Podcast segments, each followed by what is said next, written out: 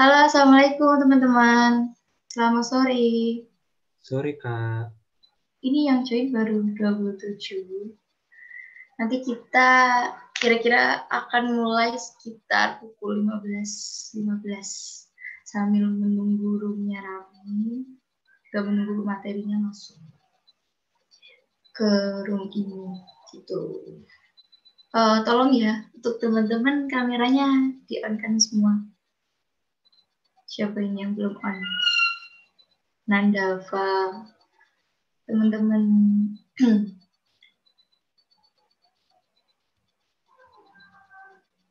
uh, suaranya jelas ya? Jelas, Mbak. Jelas, Kak. Ini kameranya kok nggak ada yang on ya? Kayak ngomong sendiri aku. Belum mandi, Kak. Nggak apa-apa, biar kelihatan.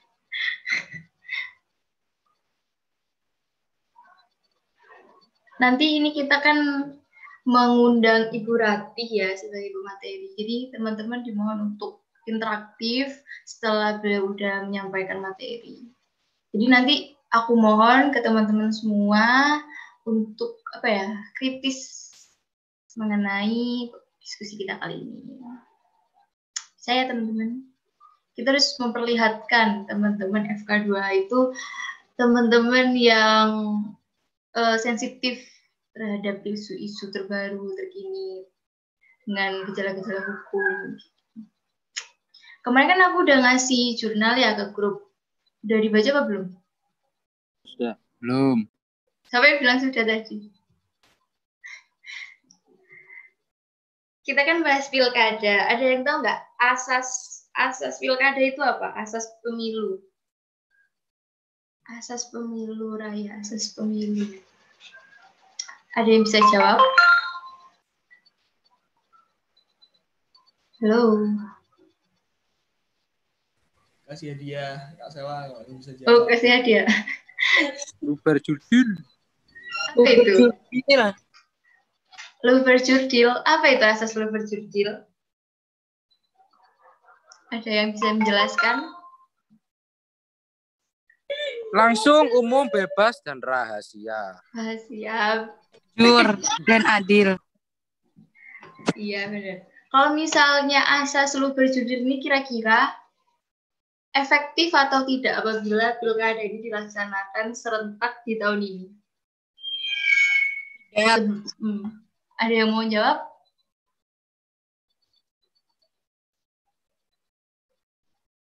Halo.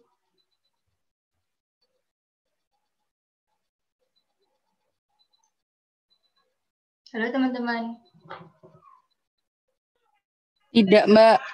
Tidak. Kenapa tidak? Siapa tadi jawab? Oh, Rah Rahayu Lintang ya. Kenapa tidak, Dek? Ya, Mbak. Karena menurut saya itu eh, nantinya itu datanya itu tidak rahasia karena apa ya? eh, kalau semisal dilakukan di masih dipaksakan di masa pandemi ini jatuhnya nggak rahasia karena kan ini di anu secara elektronik Oh, ya, secara elektronik ya. Kalau misalnya itu ketentuannya e-voting ya. Ada yang jawab setuju nggak apabila pilkada ini dilaksanakan secara serentak pada tahun ini? Untuk saya setuju sih, Kak. Kalau saya Kenapa? sendiri pendapat saya pribadi. Karena Hmm. eh, untuk reshuffle kepemimpinan yang di mana pemimpin kan eh, harusnya itu menjabat satu periode. Tidak mungkin apa itu kalau misal eh, ditahan, maka pemimpin itu akan menjabat lebih dari satu periode. Begitu, Kak. Menurut saya itu Mm-mm. udah menyalahi aturan aja sih, Kak. Itu saya masih apa itu itu aja dulu. Hmm. Berarti berarti menurut siapa tadi? Berarti menurut Dava nggak boleh berarti bisa ya dilaksanakan pilkada. Iya bisa, Kak. Soalnya mengisi kekosongan tadi. Iya, soalnya saya itu juga lihat beberapa teman-teman saya yang juga ikut kayak apa namanya jadi panitia buat itu pemilihan itu eh, nggak nggak e-voting juga kok ada yang langsung di tempatnya apa itu dengan cara protokol kesehatan disiapin Mm-mm. sarung tangan dan lain-lain itu masih bisa dicegah kok kak kalau semisal apa itu tentang data ketidakrahasiaan itu. Menurut saya seperti itu. Keren. Kasih aplaus dulu kepada Dava dan Rahayuning Linta. Nanti dimohon untuk teman-teman kayak gini Coba juga ya. Kameranya. Coba dijalakan kameranya teman-teman. Tolong nanti eh, teman-teman interaktif gini waktu setelah Ibu Rati menyampaikan materi. Tuh, ini baru 31 ya yang join. Hmm. Ini kameranya belum on, tolong di-on kan ya. Sebentar.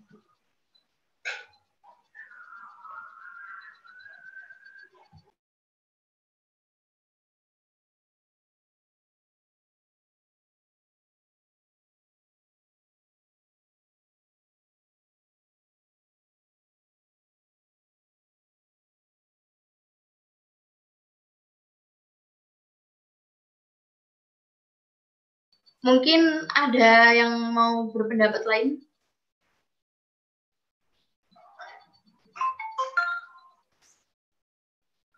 Dari Dava tadi dengan siapa? DAyu tadi.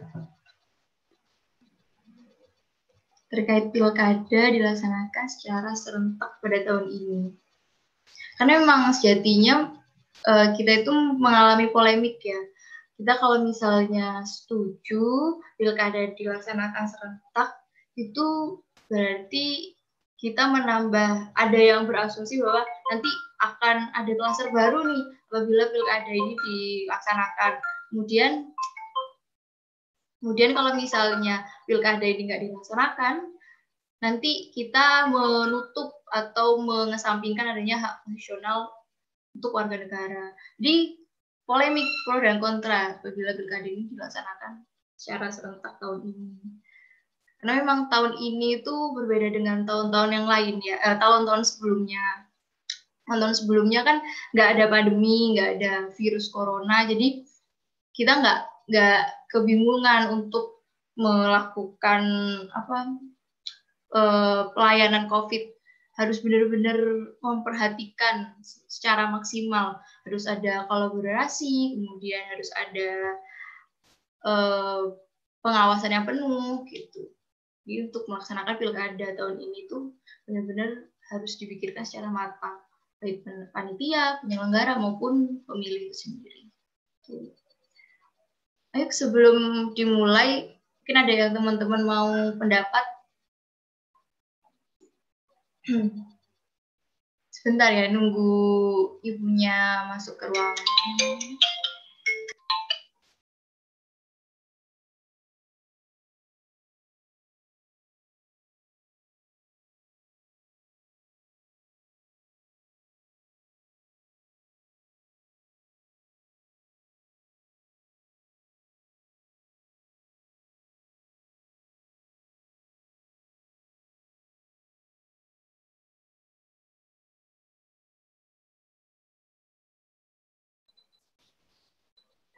Untuk teman-teman yang belum menghidupkan kameranya, tolong hidupkan ya. Nah, eh, kita sambut untuk Ibu Rati Listiana Chandra. Selamat datang Ibu. Selamat bergabung bersama kami di diskusi FK2 Speak Up. Ya, selamat sore Mbak Sela, teman-teman di FK2H. Apa kabar sore hari ini? Alhamdulillah baik Ibu. Ibu apa kabar Bu? Alhamdulillah, baik Mbak Sela. Gimana Ya. weekendnya? Tadi malam diapelin nggak? Ah. Alhamdulillah masih jomblo Ibu. Oh, masih jomblo. terlalu terlalu semangat untuk eh, berorganisasi sepertinya Mbak Sheila ini ya, sampai Iya. buat pacaran. Ya baik Ibu, mungkin bisa saya mulai ya Bu. Boleh, boleh silakan. Iya. Baik. Assalamualaikum warahmatullahi wabarakatuh. Waalaikumsalam. Shalom, Om. Swastiastu, salam sejahtera untuk kita semua. Pertama-tama yang terhormat kepada Ibu Rati Kristiana Chandra, SHMH, yang terhormat kepada Direktur Eksekutif Forum Kajian Hukum dan beserta teman-teman anggota FK2. Uh, tak lupa sholawat serta salam kita haturkan berkat rahmat Allah taala karena berkat rahmat dan hidayahnya lah kita dapat melaksanakan pilkada uh, melaksanakan FK2H speak up ini dengan tema harus banget pilkada serentak dilaksanakan tahun ini. Baik, uh, selanjutnya mungkin kita mari menyanyikan lagu uh, lagu Mars FK2H kepada yang bertugas Dipersilahkan.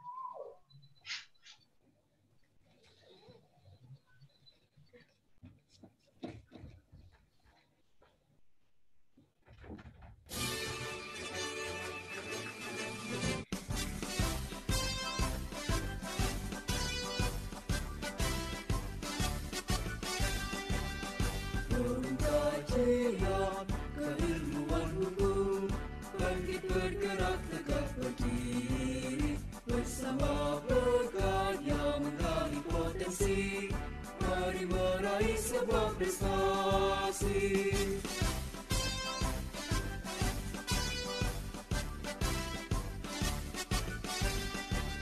Satukan jiwa, satukanlah rasa. Perbedaan bukanlah hambatan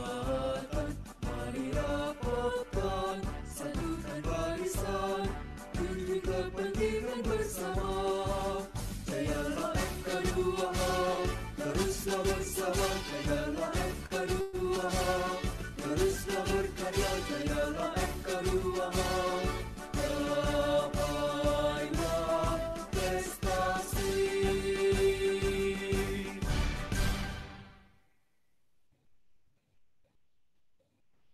Ya, terima kasih kepada yang bertugas. Uh, selanjutnya mungkin tidak usah berlama-lama, langsung saja penyampaian materi, pemaparan materi oleh Ibu Rati Listiana Chandra. Tapi sebelum itu kita melihat kurikulum vitae dari Ibu Rati lebih dahulu. Ya, nih nama lengkap Rati eh, Ibu Rati Listiana Chandra SHMH kita bisa melihat profilnya yaitu pribadi yang penuh semangat, senang berdiskusi, pendengar yang baik, senang belajar, belajar hal baru, dan perfeksionis. Kemudian pengalaman beliau yaitu dosen hukum tata negara di Fakultas Hukum Universitas Jember. Pengalaman beliau yang kedua yaitu staf hukum dan penanganan pelanggaran pelanggaran pemilu di Badan Pengawas Pemilu RI. Selanjutnya pendidikan beliau di Serata 1 Sarjana Hukum Universitas Jember pada tahun 2000 2006 2002 sampai 2006 kemudian Magister Hukum Universitas Indonesia 2006 hingga 2009 dan yang terakhir sekarang sampai sekarang beliau berpendidikan menempuh berpendidikan di Universitas Indonesia. Baik kepada Ibu Rati Lisiana Chandra SHMH kami persilahkan. Ya, terima kasih Mbak Sheila. Selamat sore untuk teman-teman FK2H. Uh, senang sekali rasanya bergabung lagi, berinteraksi lagi dengan teman-teman di FK2H karena terakhir saya menemani uh, teman-teman FK2H itu tahun 2013 ketika ada lomba debat konstitusi di Mahkamah Konstitusi. Uh, beberapa orang FK2H, anak-anak FK2H yang sekarang sukses, uh, di antaranya ada Muhammad Bahrul Ulum, terus ada Venita, terus kemudian uh, ada Naila Rizky, terus kemudian aduh kita tuh punya nama panggilan cuma saya lupa nama aslinya siapa. Uh, uh, banyak banyak anak FK, FK2H yang yang sering yang sering saya temani untuk lomba selama saya menjadi dosen di Fakultas Hukum Universitas Jember. Oke, uh, sore hari ini saya diminta sama teman-teman FK2H untuk bicara eh, tentang eh, kalau pilkada dilaksanakan di masa pandemi ini penting nggak sih? Perlu nggak sih? Nah, sebelum kita bahas penting nggak pentingnya, mungkin Mbak Sheila bisa eh, share eh, PowerPoint saya. Iya baik. Oke. Sebentar. Saya sudah siapkan beberapa mat- materinya supaya eh, lebih terarah. Oke. Judulnya saya kasih adalah urgensi pelaksanaan pilkada di masa pandemi. Oke, next. Sebelum kita bahas penting nggak pentingnya masalah pelaksanaan pilkada di masa pandemi ini, yang pertama harus kita cermati adalah pengertian dari pilkada itu sendiri. Menurut pasal 1 angka 1 Undang-Undang Nomor 1 Tahun 2015 tentang penetapan pemerintah pengganti Undang-Undang Nomor 1 Tahun 2014 tentang pemilihan gubernur, bupati dan wali kota menjadi undang-undang, diatur bahwa pemilihan gubernur dan wakil gubernur, bupati dan wakil bupati serta wali kota dan wakil wali kota yang disebutnya yang selanjutnya disebut pemilihan adalah pelaksanaan kedaulatan rakyat di wilayah provinsi dan kabupaten kota untuk memilih gubernur dan wakil gubernur, bupati dan wakil bupati serta wali kota dan wakil wali kota secara demokratis. Ya, next, Mbak. Nah, kapan sih pilkada itu diselenggarakan? Kalau tidak ada pandemi, maka dia dilaksanakan setiap lima tahun. Terus kemudian dilaksanakan secara serentak. Tahun ini merupakan pelaksanaan pilkada secara serentak yang ketiga yang dilaksanakan oleh Indonesia.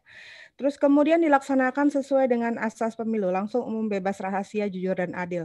Kita lingkari di sini asas pemilu yang langsung. Karena berarti kita harus memilih secara langsung di TPS. Tidak ada perwakilan, tidak boleh ditunda, tidak boleh diabaikan. Kemudian yang terakhir adalah dilaksanakan sesuai tahapan yang berjalan. Nah, ini sekarang saat ini eh, pilkada sedang memasuki tahapan kampanye. Ini merupakan kampanye minggu ketiga. Dan ternyata dari minggu ketiga ini banyak sekali eh, pelanggaran yang terjadi, terutama pelanggaran mengenai eh, protokol kesehatan. Ya, next Mbak. Nah, kondisi Indonesia terkini setelah diterpa COVID bagaimana? Sejak merebak eh, di Februari 2020, tercatat sudah 381.910 orang yang eh, terpapar oleh virus ini. Ada 305.100 orang yang sudah dinyatakan sembuh, 13.077 orang meninggal dunia, dan 63.733 yang masih berjuang untuk sembuh. Nah, kalau itu di eh, tataran masyarakat sipil, lalu kemudian bagaimana dengan penyelenggara pemilu? Ternyata penyelenggara pemilu pun tidak luput dari paparan virus ini. Di KPU pusat eh, ada dua orang yang terkena, bahkan sampai hari ini Bapak Ketua KPU masih dalam masa isolasi mandiri, padahal beliau sudah beliau terkena itu dari 18 September 2020. Sekarang sudah Oktober tanggal 25. Sudah hampir sebulan lebih beliau uh, isolasi mandiri, namun ternyata beliau belum bebas dari paparan virus ini. Terus kemudian satu orang uh, Bawaslu Pusat ini Ibu Ratna Petalolo yang saat itu sedang bertugas di Makassar terpapar beserta stafnya terpapar oleh virus ganas ini. Dan selain itu juga ada eh, 22 anggota Bawaslu Boyolali, kemudian satu komisioner KPU Tangerang Selatan, dan Ketua KPU Sulawesi Selatan Faisal Amir yang sedang masa isolasi mandiri. Oke, next Mbak. Nah, kemudian apakah pilkada ini akan tetap berlangsung dengan kondisi COVID yang semakin hari ternyata kurvanya tidak semakin landai tapi semakin naik. Banyak hal yang menjadi pertimbangan apakah pilkada akan tetap diteruskan atau ditunda untuk kedua kalinya. Jadi tadinya pilkada ini akan dilaksanakan pada tanggal 23 September 20, 2020. Namun karena kondisi Indonesia ketika bulan uh, April Mei itu sedang tinggi-tingginya untuk korban COVID, maka pemerintah saat itu uh, memutuskan untuk menunda pilkada ke 9 Desember 2020. Untungnya saat itu tahapan belum mulai, jadi uh, secara finansial negara belum dirugikan apa-apa. Namun jika ternyata pilkada tanggal 9 Desember 2020 ini ditunda kembali, maka kerugian negara sangat besar karena eh, pertama tahapan sudah separuhnya terlewati, kemudian di tingkat pengawasan pemilu sudah berjalan, jadi pengawasan pemilu sudah berjalan ke mana-mana. Kebetulan suami saya masih bekerja di Badan Pengawas Pemilu, dan bercerita bahwa untuk anggaran pengawasan pemilu tahun 2020 ini naik hampir dua kali lipat. Karena itu tadi harus ada penang eh, apa namanya hmm, biaya untuk protokol kesehatan. Hal ini juga berlaku bagi eh, KPU sebagai penyelenggara pemilu. Nah, kemudian eh, pemerintah ini sebenarnya bikin undang-undang uh, pengganti untuk pelaksanaan pilkada di masa pandemi ini serius nggak sih? Karena sebenarnya Perpu nomor 2 tahun 2020 yang mengatur yang yang ten, mengatur tentang pilkada khususnya di dalam pasal 120 diatur bahwa dalam hal sebagian wilayah pemilihan, seluruh wilayah pemilihan, sebagian dasar sebagian besar daerah atau seluruh daerah terjadi kerusuhan, gangguan keamanan, bencana alam, bencana non-alam, atau gangguan lainnya yang mengakibatkan sebagian tahapan penyelenggaraan pemilihan atau pemilihan serentak tidak dapat dilaksanakan, dilakukan pemilihan lanjutan atau pemilihan serentak lanjutan. Ya, jadi di sini tidak ada uh, sama sekali kalimat yang menyatakan bahwa uh, ada mekanisme lain untuk melakukan pemilihan. Kemudian di dalam ayat 2-nya disebutkan bahwa pelaksanaan pemilihan lanjutan atau pemilihan serentak lanjutan sebagaimana dimaksud pada ayat 1 dimulai dari tahapan penyelenggaraan pemilihan atau pemilihan serentak yang terhenti. Jadi sifatnya di ayat 2 ini hanya melanjutkan dari eh, apa yang sudah terjadi di dalam ayat 1. Jadi kalau misalnya nanti, misalnya pilkada ternyata tidak jadi dilaksanakan pada tanggal 9 Desember 2020, berarti tahapan yang terakhir, sekarang misalnya kampanye, eh, yang sudah dilewati, maka itu dihitung, tetap dihitung sebagai tahapan eh, pilkada, bahwa kampanye sudah dilewati. Setelah pilkada, eh, setelah kampanye nanti apa, eh, maka dari situ pula eh, tahapan berikutnya akan dimulai. Nah, di dalam pasal 120 Perpu Pilkada tersebut hanya menambahkan satu frase dari pasal 120 yang diatur dalam ketentuan sebelumnya yaitu bencana non alam.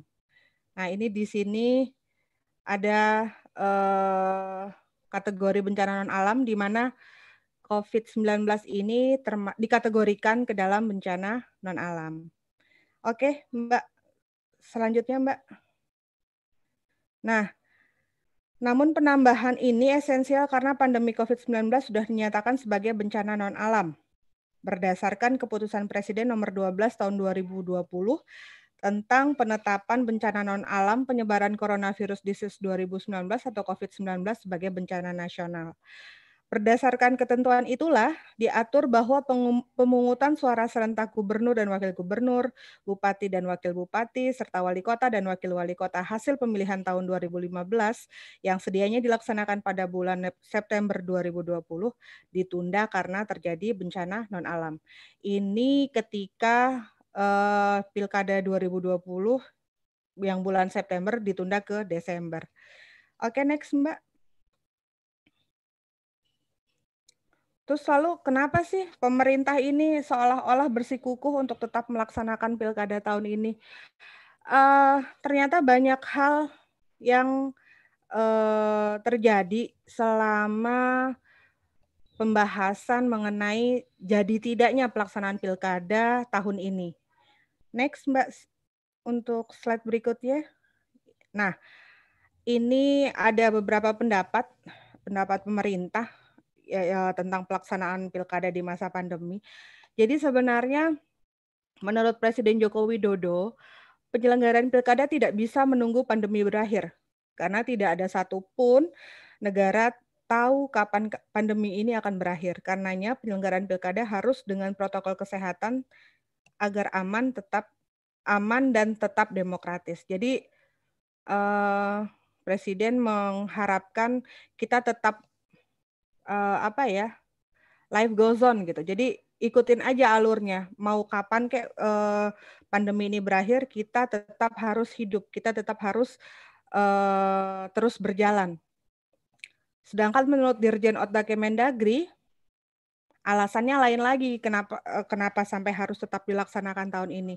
Ternyata agar tidak terjadi kekosongan-kekosongan dalam pemerintahan daerah kita.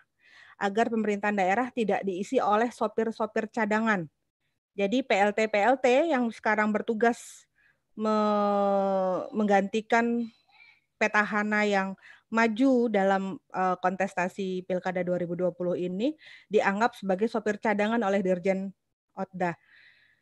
Nah, menurut Dirjen Otda, sopir cadangan ini tidak memiliki kemampuan optimal sehingga harus ada percepatan waktu agar nanti ketika Desember pelaksanaan pemungutan suara uh, bisa segera terpilih pemimpin-pemimpin yang baru.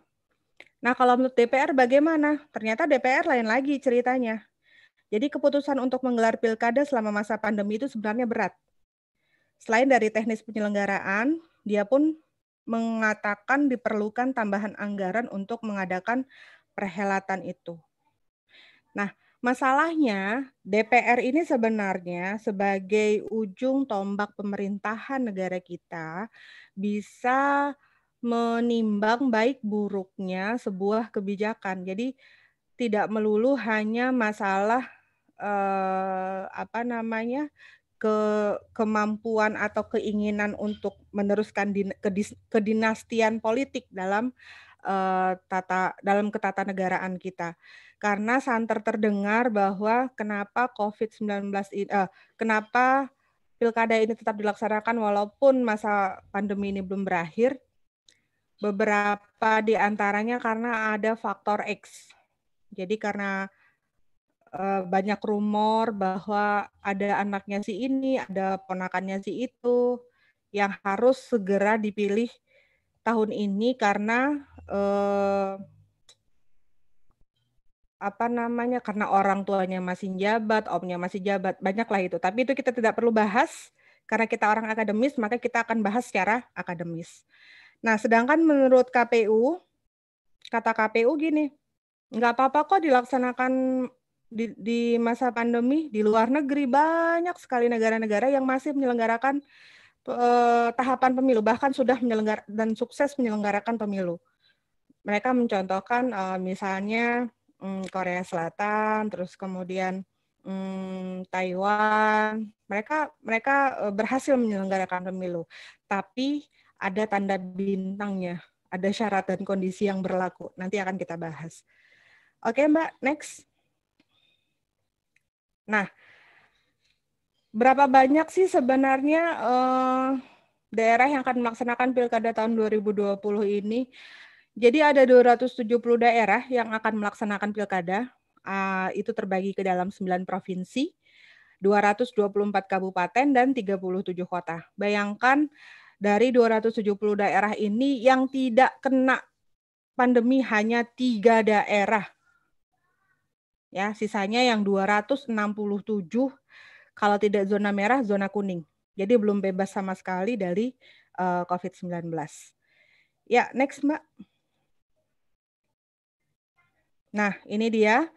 Uh, kalian bisa lihat di sini uh, untuk provinsinya ada Sumatera Barat, ada Jambi, ada Bengkulu, Kepulauan Riau, Kalimantan Tengah, Kalimantan Selatan, Kalimantan Utara, Sulawesi Utara dan Sulawesi Tengah. Ini untuk eh, apa namanya se- eh, sembilan provinsi. Sedangkan untuk pemilihan bupatinya tersebar di hampir di seluruh provinsi, begitu juga dengan pemilihan wali kotanya. Oke, next Mbak. Nah, ini eh, data yang saya ambil dari IDEA eh, tentang pelaksanaan pilkada, tidak hanya pilkada, jadi ada pemilu nasional juga di luar negeri. Jadi eh, yang biru ini adalah eh, negara yang melaksanakan berhasil melaksanakan eh, pilkada, eh, sorry pemilu, sedangkan yang merah ini tidak. Jadi mereka tidak melaksanakan eh, pemilu. Di sini kita bisa lihat bahwa hmm, misalnya di oke Syria. Di Syria ini ternyata dia berhasil nih. Dia berhasil melaksanakan pemilu. Terus kemudian di Perancis. Di Perancis juga dia berhasil. Terus kemudian ada lagi eh, Australia. Terus kemudian ada lagi Singapura. Terus kemudian Togo, Burundi, Montenegro. Nah, itu sebenarnya harus kita pahami kok bisa ya negara-negara itu eh, sukses melaksanakan pemilu, tapi kita bisa lihat juga. Misalnya ini kita, nah Taiwan, Taiwan ini dia melaksanakan pemilu lokal semacam pilkada di Indonesia. Pada nah di sini kita bisa lihat ternyata merahnya lebih tinggi daripada yang biru. Ini artinya bahwa tingkat partisipasi eh, pemilihan di Taiwan menurun. Jadi dianggap gagal. Ini sama halnya terjadi di Saint Kitts and Nevis. Juga misalnya di Dominican Republic. Nah, Taiwan ini padahal sebagai negara yang penanganan COVID-nya terbaik, ternyata mengalami penurunan partisipasi pemilih. Nah, ini kan agak mencemaskan jika kita membandingkan dengan kondisi negara kita. Indonesia bisa dikatakan negara negara yang eh, penanganan COVID-nya paling buruk. Sampai kita harus di eh, apa ya, ditolak di 59 negara, tidak boleh melakukan aktivitas penerbangan karena penanganan COVID kita yang sangat buruk. Bayangkan saja, kita bandingkan saja dengan Taiwan, negara kecil, paling bagus penanganan COVID-nya, tapi ternyata penanganan pemilihnya menurun dibandingkan dengan Indonesia. Apa yang bisa kita ambil? Bahwa nanti setidaknya di Indonesia juga akan mengalami hal yang sama. Bukan sebuah kemustahilan jika para pemilih akan memutuskan untuk tidak hadir di TPS demi menyelamatkan uh, kesehatannya. Ya. Terus misalnya hmm, coba kita lihat yang uh, dia lebih tinggi. Oke, ini ada di Jerman. Walaupun cuma selisihnya cuma sedikit ya di Jerman, ini di kota Bavaria, mereka melaksanakan pemilu lokal. Uh, ternyata part, tingkat partisipasinya lebih tinggi walaupun sedikit ya dibandingkan sama uh, yang merah. Tapi ternyata itu harus kita cermati. Kenapa sih di Bavaria itu hmm, pemilunya berhasil? Ternyata di Bavaria nggak perlu datang ke TPS. Di Bavaria itu orang memilih melalui surat, melalui mail. Jadi uh, surat suara itu dikirim kepada pemilih, kemudian nanti setelah memilih, pemilih itu akan mengirimkan lagi surat suara suaranya melalui pos. Baru nanti akan dihitung. Begitu. Atau misalnya eh, negara yang sangat digilai oleh anak-anak eh, muda sekarang ya, mana Korea Selatan. Korea Selatan kita lihat. Nah, dia juga dibilang berhasil dalam melaksanakan pemilu karena tingkat partisipasinya tinggi. Ini kita bisa lihat di sini. Di Korea Selatan ini kenapa sih dia bisa berhasil melaksanakan pemilu?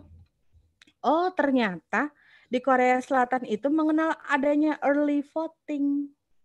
Jadi orang pemilih boleh memilih sebelum waktunya. Jadi ketika eh, pemilu nasional di Korea itu disel- diselenggarakan pada tanggal 15 April, maka tanggal 10 dan tanggal 11 para pemilih konstituen itu boleh datang ke TPS yang telah ditunjuk untuk melaksanakan pemilihan. Jadi tidak akan ada kerumunan massa. Tidak ada lagi tuh yang harus menunggu dari jam 7 sampai jam 1 siang. Nggak perlu. Karena mereka ada early voting. Jadi biasanya yang yang kemarin di Korea Selatan itu yang melaksanakan early voting adalah eh, orang-orang tua yang punya imunitas lebih rentan dibandingkan yang anak-anak muda. Jadi eh, pemilih di, berusia 50 tahun ke atas mereka dianjurkan untuk mengikuti early voting. Nah, eh, kita punya nggak sih special arrange apa voting arrangement ini sebenarnya? Enggak, kita nggak punya.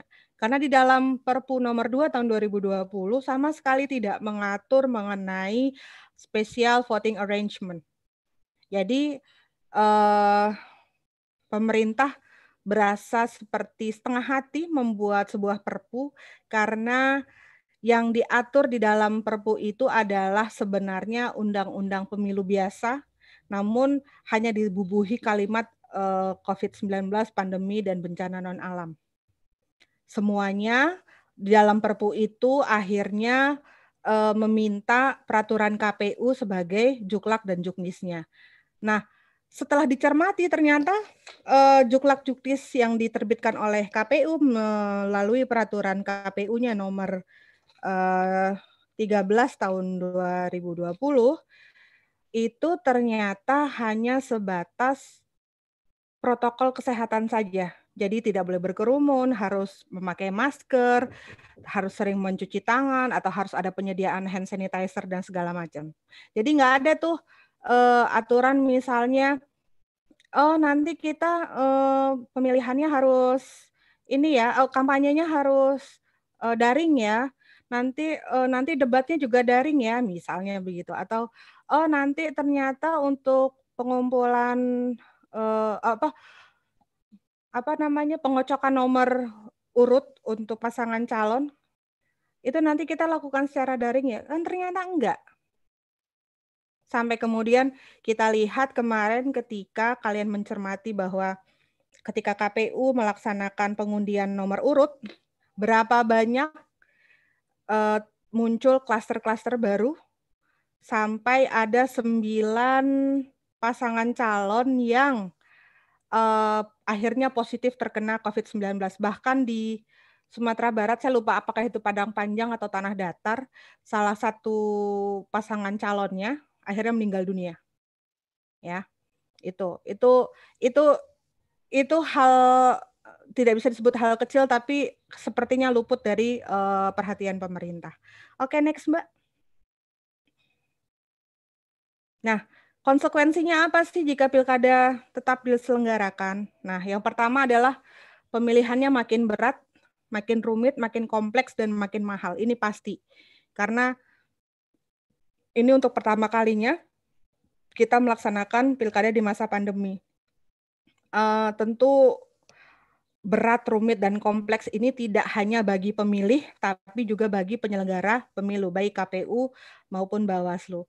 Kenapa saya bilang begitu? Karena KPU dan Bawaslu akhirnya harus bekerja ekstra keras sambil tetap berhati-hati untuk menjaga uh, kesehatannya. Jangan sampai mereka juga tertular ketika menjalankan tugas. Mahalnya kenapa?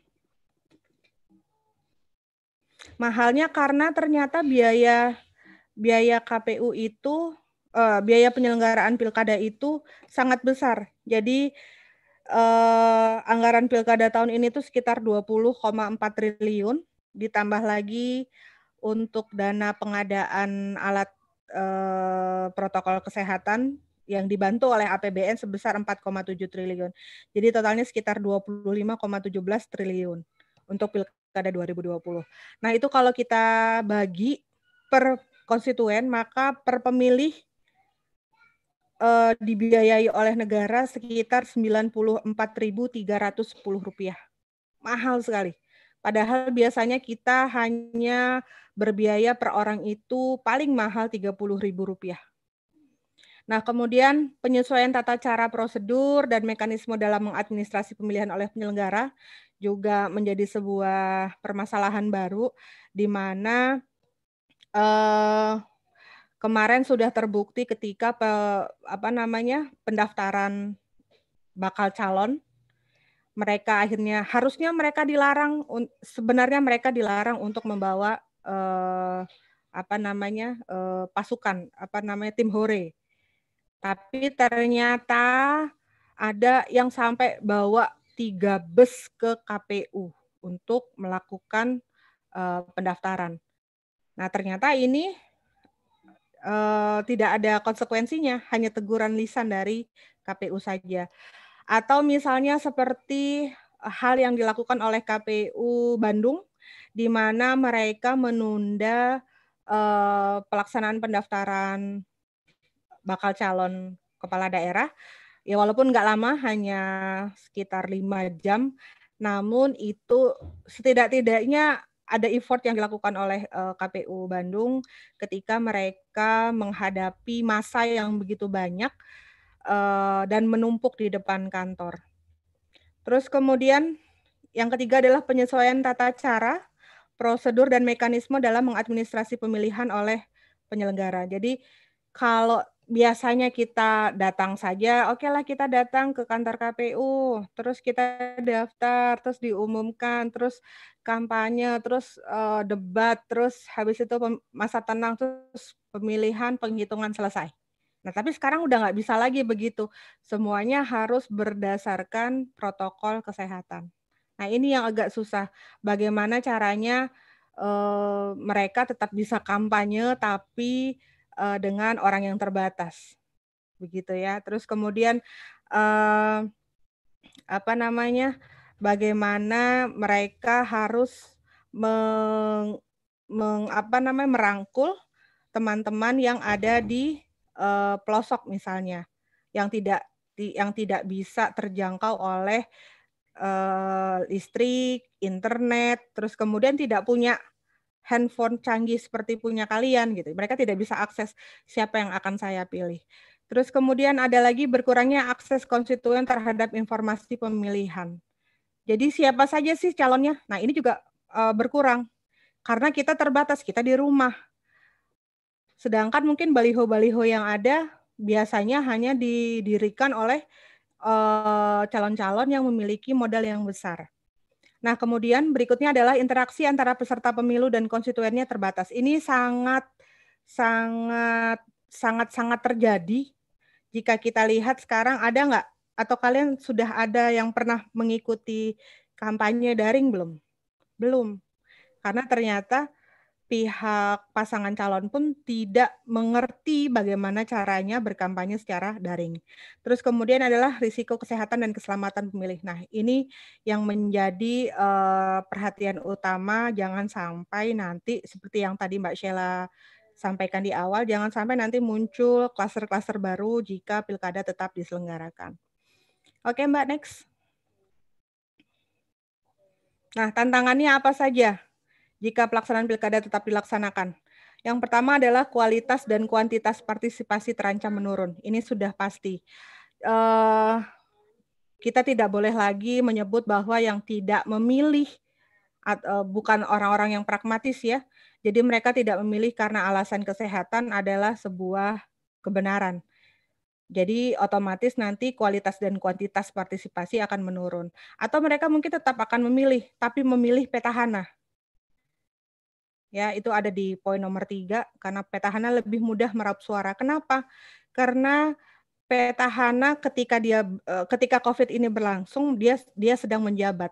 Terus kemudian ketika eh, apa namanya pemilu ini sedang berjalan, tahapan pemilu sedang berjalan, dia sedang cuti. Tapi dia dengan gampangnya bilang bahwa bantuan-bantuan sosial yang yang diterima oleh masyarakat adalah bagian untuk mengkampanyekan dirinya. Walaupun mungkin itu bukan sebuah eh, sebuah perbuatan yang dibenarkan gitu. akhirnya apa masyarakat nganggap ah iya ya itu kan si Pak ini si Bu ini pas COVID kemarin dia ngasih bantuan banyak banget. Jadi yang diingat cuma itunya aja. Sedangkan yang non petahana lebih susah dia untuk mencapai menjangkau masyarakat yang ada di pelosok dan tidak terjangkau oleh uh, internet. Ya kan? Karena dia harus uh, membuat masyarakat tuh ingat sama dia. Terus kemudian adanya potensi meningkatnya politik uang. Ini pasti. Karena semua bantuan sosial sekarang diatasnamakan oleh calon eh, pasangan pasangan calon, sorry. Jadi akan dibilang bantuan eh, bantuan alat kesehatan oleh siapa-siapa. Pasti ada begitunya. Nah, terus kemudian ada lagi tantangan berikutnya yaitu konstituen asal memilih. Ya wes salah sing ayu hae, sing ganteng ae atau yang titelnya panjang padahal ternyata titelnya beli. Atau misalnya um, oh ini nih namanya ke Korea-Koreaan. Wah, pasti nih uh, ada keturunan Korea, ini aja yang dipilih. Misalnya begitu. Terus dan yang terakhir tantangan pelaksanaan pilkada itu adalah problem problem klasik pemilu lainnya ini misalnya kita bisa lihat uh, dari uh, misalnya laporan dana kampanye. Masa iya sih laporan dana kampanye hanya sejuta? Kalau kalian uh, suka nih buka website KPU, kalian bisa lihat di situ ada salah satu pasangan calon dari uh, daerah daerah X. Ternyata laporan dana kampanyenya hanya sejuta. Padahal buat baliho aja sejuta itu paling buat tiga atau lima baliho. Sedangkan kita kita tahu di daerah Jawa Timur, kalian kalau mau cek bisa di uh, website KPU KPU di Provinsi Jawa Timur. Padahal kalian bisa lihat itu baliho, spanduk, terus kemudian videotronnya itu ada di sepanjang jalan. Mustahil. Oke, okay, next. Nah, uh, dinamika yang terjadi hingga tahapan kampanye saat ini, itu yang pertama adalah kampanye daring sudah terjadi namun belum maksimal. Ini hanya beberapa saja yang bisa melaksanakan. Biasanya mereka punya tim sukses yang memang melek teknologi. Terus kemudian yang kedua adalah akun media sosial mereka belum di, belum belum disosialisasikan dengan baik. Jadi uh, kebetulan orang tua saya tinggal di Tangerang Selatan. Jadi hampir tiap malam beberapa tim sukses dari lima inka, uh, sorry lima pasangan calon yang akan uh, bertanding itu melakukan pengumpulan massa. Tidak banyak, mungkin hanya sekitar 30 sampai 50 orang, tapi itu setiap malam karena mereka tidak tahu bagaimana cara bagaimana caranya memanfaatkan akun media sosial. Terus kemudian yang ketiga adalah pertemuan terbatas dengan kontak fisik lebih diminati.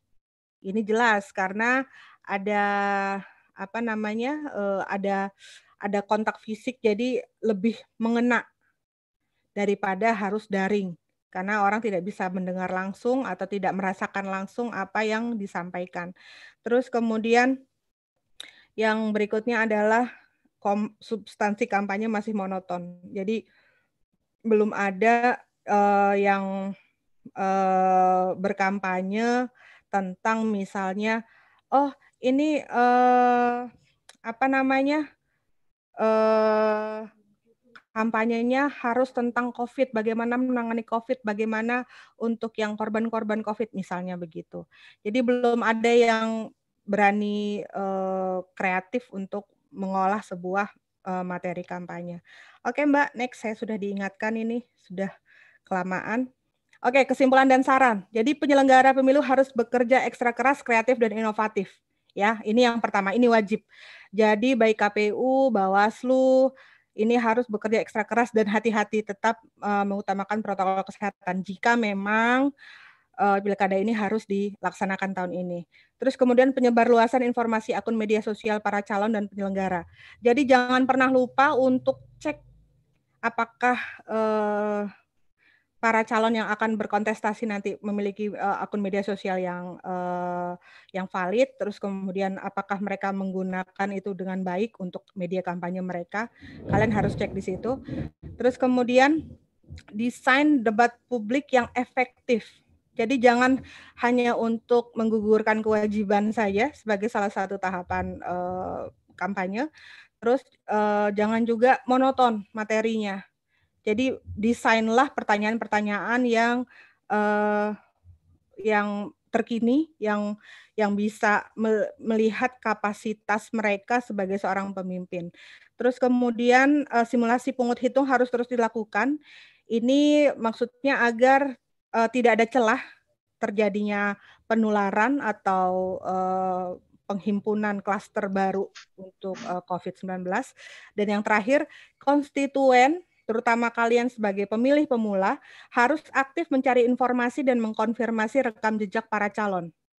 Nah, ini bisa kalian akses dari uh, website uh, akun sosial media mereka, atau kalian bisa cek di infopemilu.kpu.go.id. Ada semua di situ lengkap, kalian pilih dari daerah mana, kemudian pasangan calonnya siapa, ada rekam jejaknya semua di situ.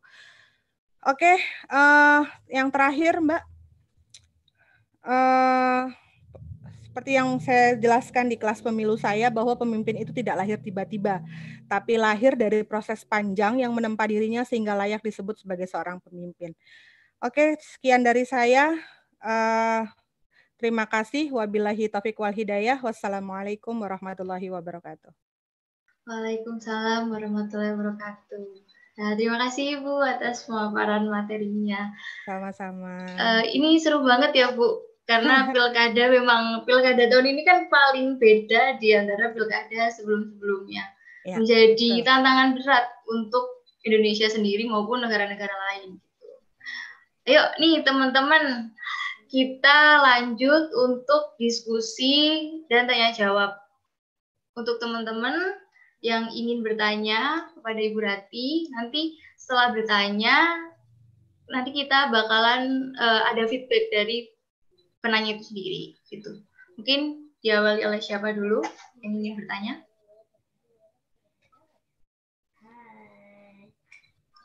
Nah, sambil izin, menunggu izin bertanya kak. Oh iya ya, silakan. Uh, terima kasih waktunya. Bu, uh, saya ingin bertanya untuk sosialisasi dalam pilkada online ini kan saya adalah salah satu pemilih pemula tuh ya Bu dan saya masih belum ada uh, yang namanya itu sosialisasi dari KPU sendiri. Malah uh, beberapa tim sukses ke rumah saya itu menawarkan uang 300 untuk penyerahan KK dan KTP. Di sini saya uh, ingin meminta pendapat Ibu bagaimana sosialisasi KPU dalam pilkada pilkada online ini. Itu saja sih Bu. Terima kasih. Oke, terima kasih Mas Nanda. Ini saya jawab langsung apa gimana Mbak? Uh, iya langsung dijawab nanti diberikan feedback gitu. Oke. Okay. Ya, uh, boleh tahu Mas Nanda ini uh, domisili di kabupaten mana? Uh, Sidoarjo, Bu. Jawa oh, Timur. Oh, Sidoarjo, Jawa Timur ya. Oke, jadi ada lagi ternyata ya uang uang 300 ini uang standar, Mas. Jadi gini, uh, ketika uh, eh, KPU tahun ini memutuskan untuk tetap melaksanakan pilkada, mereka memang uh, tidak bisa lagi langsung sosialisasi ke pemilih pemula. Biasanya setiap pilkada, setiap pemilu, baik pemilu nasional maupun pemilu lokal, uh, KPU itu selalu mendatangi uh, kampus SMA, SMA di, khususnya di kelas 3, terus kemudian universitas untuk mencari atau menjaring pemilih-pemilih pemula, kemudian diberikan edukasi tentang bagaimana memilih. Terus diberikan edukasi juga apa yang harus dipilih. Begitu. Nah, jika memang tahun ini uh, Mas Nanda adalah uh, pemilihan pertamanya, melakukan pemilihan pertama, maka yang harus pertama kali Mas Nanda lakukan adalah pergi ke website KPU. Di situ ada di banner paling kanan atas ada di situ eh, apa namanya banner dengan untuk mengecek apakah Mas Nanda dan keluarga tercatat di dalam DPT atau tidak. Itu yang pertama. Yang jika Mas Nanda ternyata tercatat di dalam DPT maka tidak usah ragu nanti ket- ketika tanggal 9 Desember kalau jadi eh, Mas Nanda akan eh, diberikan surat suara seminggu menjelang pemilihan akan diberikan surat suara untuk bisa hadir di TPS sesuai dengan jam yang sudah ditentukan.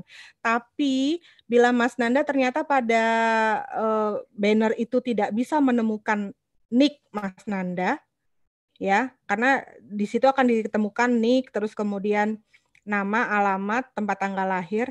Jika itu tidak sesuai atau nama Mas Nanda nggak ada, maka segera lapor ke RT setempat. Nanti RT akan menyu- menyurati RW, RW akan menyurati kelurahan, kelurahan akan menyurati KPU Kabupaten eh, Sidoarjo. Ya, nanti baru akan dilaksanakan perbaikan DPT. Seminggu setelah laporan, nanti Mas Nanda bisa cek lagi sudah ada belum. Begitu. Jika ternyata sampai hari pemilihan Mas Nanda belum juga menerima eh, atau belum juga tercatat dalam DPT, maka Mas Nanda bisa langsung menghubungi RT RW. Tapi nanti Mas Nanda memilih di akhir eh, di akhir waktu pemilihan. Jadi pemilihan itu berlangsung dari jam 6 eh, dari jam 7 sampai jam 1 siang. Berarti Mas Nanda bisa memilih setelah jam 1 siang. Begitu. Begitu ya, Mas? Jadi kita manfaatkan teknologi yang kita punya, handphone, komputer, laptop, cari tahu yang banyak. Siapa sih pasangan calon kita, kemudian kita masuk ke DPT atau tidak. Oke, Mas Nanda ya? Iya Ibu, terima kasih Ibu untuk informasinya. Sama-sama, Mas Nanda. Mungkin dari Nanda ada feedback atau penanya lainnya?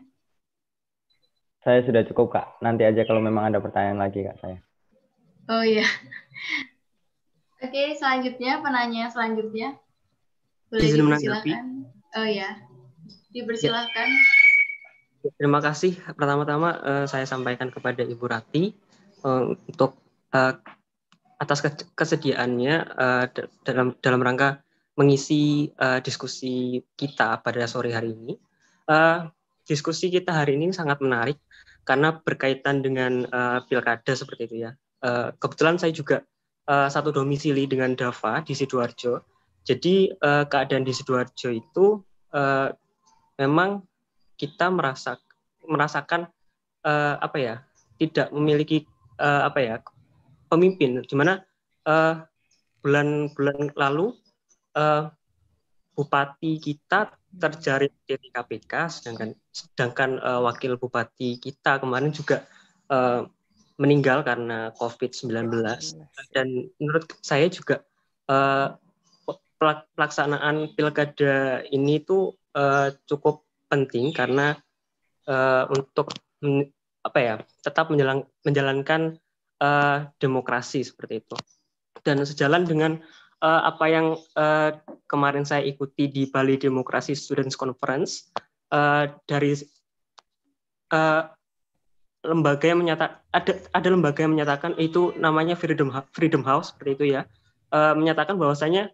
eh, demokrasi sekarang itu adalah eh, memiliki sebuah tantangan yaitu berkaitan dengan leaderless eh, struggle for democracy.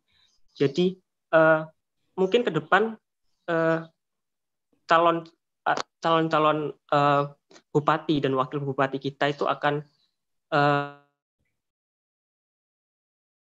COVID-19 ini. Apabila nanti nantinya mereka eh, dipandang khususnya petahana ya eh, kurang mampu untuk menangani COVID-19 mungkin eh, mungkin juga konstituen itu akan berpikir dua kali seperti itu untuk eh, memilih petahana. Itu, itu mungkin eh, tanggapan dari saya seperti itu. Terima kasih. Oke, Mas Abdurrahman Rizky, eh, terima kasih ini dari Sidoarjo.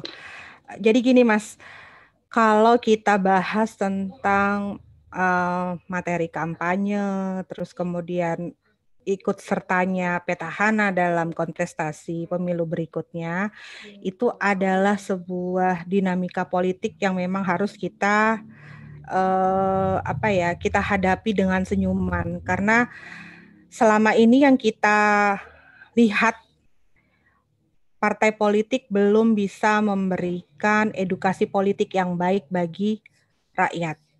Ya, padahal tugas dari partai politik itu itu sebenarnya mereka mengedukasi rakyat untuk memberikan oh cara menjaring seorang pemimpin itu begini. Oh, cara memilih yang baik itu begini. Oh, cara men- berorganisasi politik yang baik itu begini. Ternyata organisasi politik kita, partai politik kita gagal untuk mewujudkan edukasi itu. Nah, sekarang terus kita harus bagaimana? Nah, kalian kita sebagai eh, apa namanya rakyat Indonesia yang punya edukasi, yang educated, berarti kalian harus mencari tahu sendiri. Ini sebenarnya orang ini rekam jejaknya bagaimana? Benar nggak yang dia bilang bahwa misalnya di dalam salah satu materi kampanyenya dia bilang saya akan menjaga lingkungan dengan baik. Misalnya karena Sidoarjo banyak pabrik. Eh, saya akan tutup pabrik-pabrik yang eh, melakukan pencemaran lingkungan, misalnya begitu. Tapi kemudian setelah kita cari rekam jejaknya, ternyata si bapak ini punya perusahaan juga yang ikut mencemari lingkungan. Perlukah kita percaya sama dia? Enggak. Enggak. Cari, oh berarti langsung gugur. Cari yang lain. Cari eh, kandidat yang lain. Cari yang eh, apa namanya materi kampanyenya tuh real gitu loh. Emang kena buat kita. Misalnya dia memberikan bantuan untuk eh, tidak orang-orang tidak mampu berapa bulan misalnya begitu. Terus kemudian misalnya untuk karena untuk kemajuan pendidikan eh, di daerahnya maka sekolah digratiskan misalnya begitu. Itu kan dampaknya akan akan kena langsung di eh, hati masyarakat. Hanya sayangnya kita tidak punya kontrak politik seperti yang dialami oleh konstituen di Amerika Serikat. Jadi kalau di Amerika Serikat kepala daerahnya, gubernurnya, wali kotanya membuat kontrak politik bahwa nanti dia setelah menjabat dia akan 1 2 3 4. Kalau dalam 1 2 3 4 itu tidak dijalankan, tidak dipenuhi, maka dia akan mundur. Kita tidak punya seperti itu. Karena undang-undang tidak mengatur. Susahnya di situ. Nah, kalau kalau Mas Abdurrahman Rizky eh, mau sedikit repot ya, eh, cobalah Mas Abdurrahman cari tahu nih para kandidat di Sidoarjo ini siapa saja. Ya. Terus kemudian bikin leaflet kecil-kecilan saja, nggak us yang tidak perlu mengeluarkan uang. Terus kemudian bikin leaflet kan sekarang kita bisa manfaatkan teknologi. Buat leaflet di situ, terus bikin rekam jejak para calon ini sesuai dengan yang Mas Abdurrahman temukan. Terus kemudian share atau kirimkan ke KPU. Atau misalnya kalian punya grup eh, apa klub buat belajar bareng misalnya atau klub diskusi. Kirim ke situ, Rek, ini yo buat calon dari Sidoarjo tuh ini ini ini ini. Orangnya ini yang ini begini, yang ini begini, yang ini begini. Silahkan pilih dewe. Kan tidak ada tidak ada nada ajakan dari Mas Abdurrahman untuk memilih salah satu salah satu pasangan, tapi mengedukasi orang untuk memilih yang baik. Nggak usah begitu, misalnya sama tetangga kanan kiri, orang tua, keluarga, ajarkan semuanya, beritahu semuanya. Begitu ya, Mas Abdurrahman ya. Oke, terima kasih.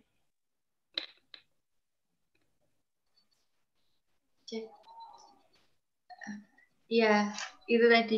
Eh, jadi jadi ini ya Bu, hmm, polemik bagi kita semua. Jadi permasalahan sendiri karena masa pandemi seperti ini kampanyenya malah vianya via online. Kita nggak bisa Iya. bertemu secara langsung. Mm-mm, betul. Ini mungkin da- tadi dari tim Sidoarjo, dari tim yang lain ada dari kota lain mau menyampaikan keluh kesah di bertanya, daerahnya masing-masing. Disilahkan. Izin bertanya Kak Sela. Oh ya, dipersilahkan. Iya. Eh, terima kasih eh, moderator Kak Sela dan juga Bu Ratih.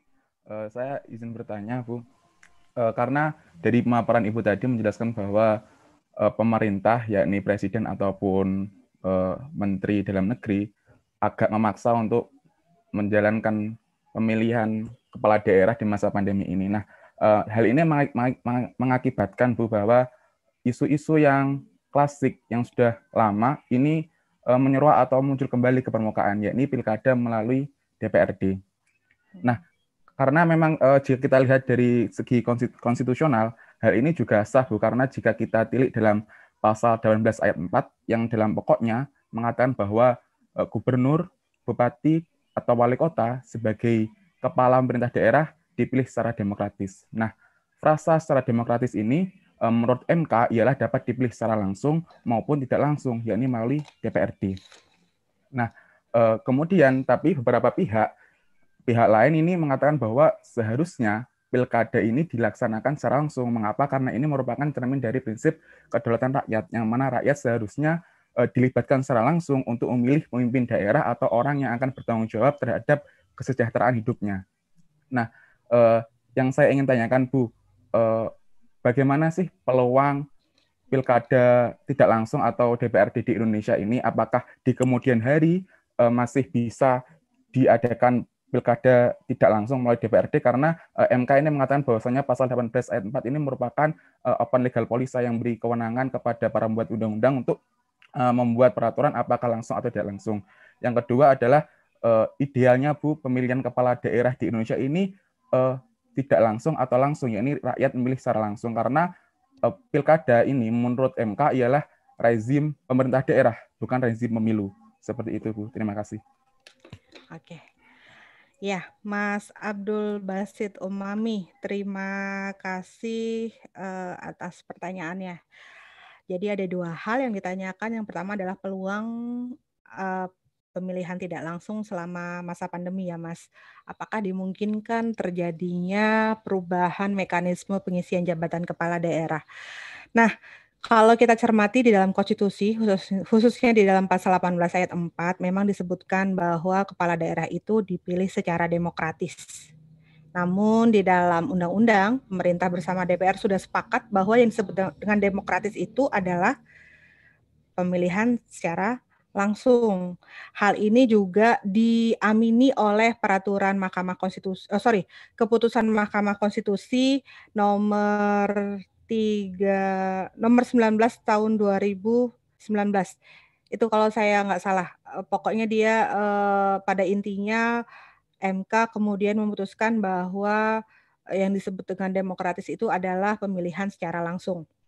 Nah, kalau kita uh, tanggapi uh, dengan situasi saat ini, Gimana ya Bu, kira-kira kalau misalnya dalam masa pandemi ini kita pakai metode tidak langsung saja, ini dirasa lebih aman, begitu memang. Kalau kita pikir memang lebih aman karena yang akan memilih uh, apa namanya uh, kepala daerah itu adalah uh, orang-orang DPRD saja, tidak melibatkan banyak orang, tidak perlu kampanye, tidak perlu ke mana-mana, begitu kan? Nah, tapi masalahnya, Mas, uh, kalau kita melaksanakan pemilihan tidak langsung, maka banyak konsekuensi yang harus kita pikirkan. Yang pertama adalah kita menyalahi undang pelaksanaan undang-undang dari undang-undang pemilu. Uh, terus kemudian uh, yang kedua adalah jika pemilihan itu dilangsung, dilangsung, dilangsungkan secara tidak langsung, maka uh, akan banyak daerah-daerah lain yang punya uh, mekanisme tersendiri karena kita menganut uh, mekanisme asimetris ya. Kalau kalian sudah belajar tentang desentralisasi, maka kita menganut asas uh, asimetris yang terluka atas keputusan pemerintah jika diberlakukan pemilihan tidak langsung. Misalnya apa? Misalnya saja yang terjadi di Papua. Di Papua itu mereka memang dilaksanakan pemilihan secara langsung, tapi dalam tanda kutip. Jadi mereka yang melaksanakan pemilihan secara langsung itu adalah ketua-ketua adat. Satu ketua adat bisa membawahi seribu orang atau seribu keluarga. Nah, jadi mereka bermusyawarah dulu, satu satu suku itu mereka bermusyawarah dulu, terus kemudian setelah mereka sepakat, barulah ketua adat itu memilih. Ya, sedangkan jika kita kembalikan ke uh, mekanisme secara tidak langsung selama masa pandemi ini, bagaimana dengan ketua-ketua adat yang di Papua? Mereka kan tidak akan terlibat. Nah, ini akan menodai, akan menyakiti perasaan mereka. Padahal secara konstitusi, keputusan Mahkamah Konstitusi tentang pemberlakuan noken dalam sistem pemilihan di Indonesia itu sudah diakui oleh negara. Begitu. Terus kemudian misalnya, misalnya eh, dengan pelaksanaan eh, pemilihan secara tidak langsung di Aceh misalnya. Di Aceh itu punya keistimewaan yang lain. Apa? Apa ke- keistimewaannya? Yang pertama adalah mereka punya partai politik lokal. Nah, kalau misalnya dilaksanakan oleh eh, DPRD pemilihannya, maka partai politik lokal yang tidak duduk dalam eh, legislatif di DPRD provinsi atau DPRD kabupaten kota, maka mereka tidak bisa ikut memilih, Mas. Ini tentunya juga melukai perasaan mereka. Ya. Nah, terus bagaimana Bu jika pandemi ini belum berakhir juga sampai katakanlah November? Ternyata masih masih tinggi, belum juga landai. Yang pertama yang bisa saya sarankan adalah mungkin pilkada tetap bisa dilanjutkan di zona-zona hijau. Ya, di zona-zona hijau. Atau misalnya eh, di daerah yang sudah sama sekali tidak ada kasus COVID-19-nya. Saran saya yang kedua, mungkin tetap bisa dilaksanakan pilkada jika eh, daerah tersebut adalah zona kuning. Jadi kan eh, apa eh, strata strata apa namanya tingkat ke terpaparnya daerah itu kan hitam, merah, orange, kuning, hijau. Nah, jadi kalau hijau aman boleh lah silakan pilkada tahun ini. Tapi kalau yang kuning boleh melaksanakan pilkada tapi dengan protokol kesehatan yang ketat. Ya. Nah, sedangkan yang masih orange, merah, apalagi hitam, udah nggak usah dulu deh pilkadanya. Masih bisa ditangani oleh PLT. Walaupun kata si mm, Dirjen Otda, mereka adalah supir cadangan, tapi eh, peraturannya ada kok. Kalian bisa lihat eh, peraturan tentang PLT itu di dalam Permendagri nomor 1 tahun 2018. Ada kok dijelaskan di situ. Yang menjadi PLT adalah orang eh, pejabat PNS yang tingkat eh, tingkat eselonnya paling tinggi di daerah itu. Jadi diharapkan karena dia sudah punya paling tinggi tingkat eselonnya, maka dia punya pengetahuan dan wawasan lebih banyak dibandingkan orang-orang yang lain. Jadi nggak ada nuansa politis, dia akan bekerja secara sistematis karena dia sudah terasah dari bawah untuk mencari karirnya. Maka biarkan dia bekerja se- sesuai bidangnya, menjadi PLT pemerintah daerah selama satu tahun. Setelah itu misalnya nih Februari sudah mulai melandai, sudah bisa di arrange kan, tinggal melanjutkan tahapan berikutnya apa. Nanti berarti bulan Maret atau April sudah bisa dilaksanakan pilkadanya. Lebih aman. Begitu. Nah, untuk pertanyaan yang kedua. Yang ideal itu pemilihannya langsung atau tidak langsung sih, Bu? Wah, ini nih materi disertasi saya, Mas. Jadi eh saya judul disertasi saya adalah eh, model ideal pengisian jabatan kepala daerah di Indonesia. Jadi saya membandingkan proses pemilihan kepala daerah dari masa pendudukan Jepang, eh, masa pendudukan Belanda, Jepang, terus kemudian masa kemerdekaan, Orde Lama, Orde Baru, Reformasi, dan sampai saat ini eh, diberlakukannya Undang-Undang 8 2016. Saya juga bandingkan dengan eh, mekanisme pilkada yang terjadi di 19 negara di dunia. Nah, kira-kira hasilnya apa? Sebagai bocoran nih ya, harusnya saya belum boleh launch cerita saya nih. Jadi se- sebagai kesimpulannya, untuk Indonesia yang punya negara yang luas, kemudian dipisah oleh lautan, selat, terus kemudian ada yang masih tinggal di pegunungan, di hutan yang belum terjangkau oleh eh, sistem informasi yang memadai, maka sistem mekanismenya, mekanisme pengisian jabatan kepala daerahnya adalah mekanisme asimetris. Kenapa saya bilang asimetris? Jadi boleh nih daerah-daerah yang di provinsi boleh nih melak- melakukan pemilihan kepala daerah secara langsung. Kenapa? Karena tingkat heterogenitasnya cukup tinggi. Diharapkan orang-orang yang punya heterogenitas tinggi, maka dia open minded. Dia terbuka dengan perubahan. Jadi ketika dia diedukasi, tereducated, dia bisa menerima dengan baik. nggak bakalan tuh ada hoax-hoax yang timbul. Kita bisa lihat jika pelaksanaan itu terjadi di eh, provinsi. Terus apa cuma di provinsi di provinsi saja, Bu? Enggak. Bisa kok dilaksanakan di kota. Dulu namanya Kota Madia, sekarang kita sebut kota saja. Nah, kota-kota ini eh, bisa dilaksanakan eh, pilkada secara langsung karena mereka juga punya heterogenitas yang tinggi. Daerahnya lebih kecil, rata-rata yang menjadi eh, eh, apa namanya yang menjadi kota itu adalah daerah-daerah kecil. Sebut saja kota Sidoarjo, kota Surabaya, kota Malang, ya kan? Nah, itu kan daerahnya kecil. Jadi lu- ruang lingkupnya lebih sedikit. Jadi mau menjangkau masyarakat lebih gampang. Beda halnya dengan misalnya Kabupaten Jember, ya. Kabupaten Jember itu kan punya eh, wilayah yang sangat luas. Gimana caranya mau mau merangkul orang-orang yang ada di Jelbuk. Jelbuk udah gitu masuk ke dalam eh, apa namanya? masuk ke dalam hutan-hutan. Susah. Ya kan? Kalau di kota nggak ada istilahnya hutan, nggak ada tuh mereka punya eh, pegunungan. Ya mereka cuma di situ saja tempatnya. Nah, apakah cuma pilkada secara secara langsung tuh hanya di kota saja, Bu? Iya, sampai di situ dulu. Kalau yang tidak langsung bisa kita terapkan pada kabupaten. Kenapa saya bilang bisa diterapkan di kabupaten? Karena daerah kabupaten itu luas. Mereka lebih homogen. Ya kan? Lihat, kalau misalnya kita di Jember saja. Di Jember itu kan, sorry to say ya, mungkin ada orang Muhammadiyah. Eh, di Jember itu banyak orang NU, banyak orang Madura.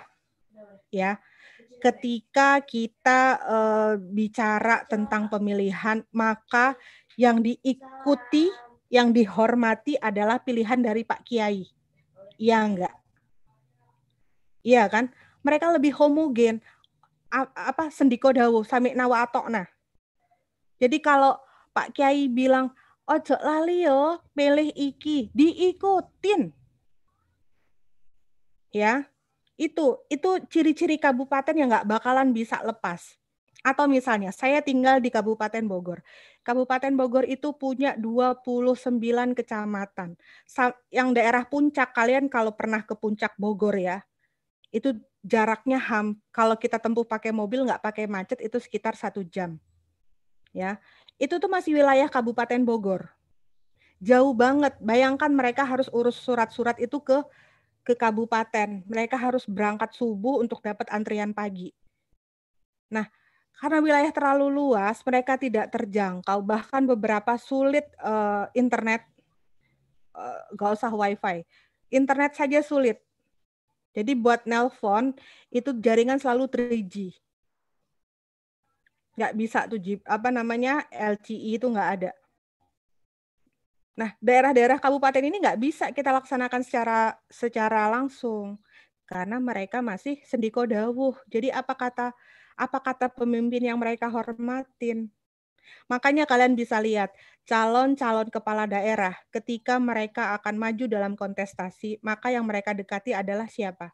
Ulamanya, pemimpin eh, tokoh masyarakatnya, bukan masyarakatnya. Karena identik sifat identik masyarakat kabupaten itulah yang tercirikan gitu oleh para eh, peserta atau para pasangan calon gitu. Nah, ini dikecualikan ideal tidaknya langsung dan tidak langsung ini diidealkan pada empat daerah ya Mas. Yang pertama adalah Aceh karena kita punya Noken tadi. Yang kedua adalah daerah istimewa Yogyakarta karena eh, langsung Sultan yang memimpin. Terus kemudian DKI Jakarta yang eh, hanya melaksanakan pemilihan untuk gubernur saja, sedangkan wali kota hanya di- eh, ditunjuk eh, sesuai dengan peraturan gubernur. Terus kemudian yang keempat adalah Aceh. Oke ya, Mas Abdul Basit Umami ya. Sudah jelas ya? Oke, terima kasih. Iya, itu tadi teman-teman. Mungkin dari Mas Abdul Basit apa ada feedback? Oh, cukup Kak Sela. Terima kasih Oke. banyak Bu Ratih ya atas Sama-sama, penjelasannya. Mas. Eh, Ibu, eh, saya boleh menanggapi pernyataan Ibu Rati tadi. Boleh Mbak, silakan. Eh, mungkin gini Bu, PLT sendiri, semisal gini, semua daerah disamaratakan, em, meskipun itu zona hijau, kuning, merah, atau hitam, jadi seluruh Indonesia ini semua kabupaten, kota, provinsi dilakukan penundaan penundaan ya Bu, di tahun depan gitu untuk memaksimalkan atau pelay- untuk pelayanan COVID saja gitu. Kemudian seluruhnya dilaksanakan untuk PLT. Jadi eh, untuk mengisi kekosongan daerah itu dengan PLT. Karena saya melihat sendiri kalau misalnya dilakukan pilkada secara langsung dengan memilih hanya kota atau kabupaten tertentu yang memiliki eh, zona hijau saja, zo- zona kuning saja, itu membuat apakah itu tidak memberikan efek diskriminasi untuk tiap-tiap daerah, gitu Ibu. Mungkin kurang lebihnya seperti itu. Oke, makasih Mbak Sheila. Kalau kita kaitkan dengan diskriminasi, maka nyawa nyawa manusia adalah lebih utama. Jadi eh, tidak bisa jika kita membandingkan eh, daerah yang siap untuk melaksanakan pilkada dengan daerah yang tidak siap melaksanakan pilkada jika ditinjau dari masa pandemi ini.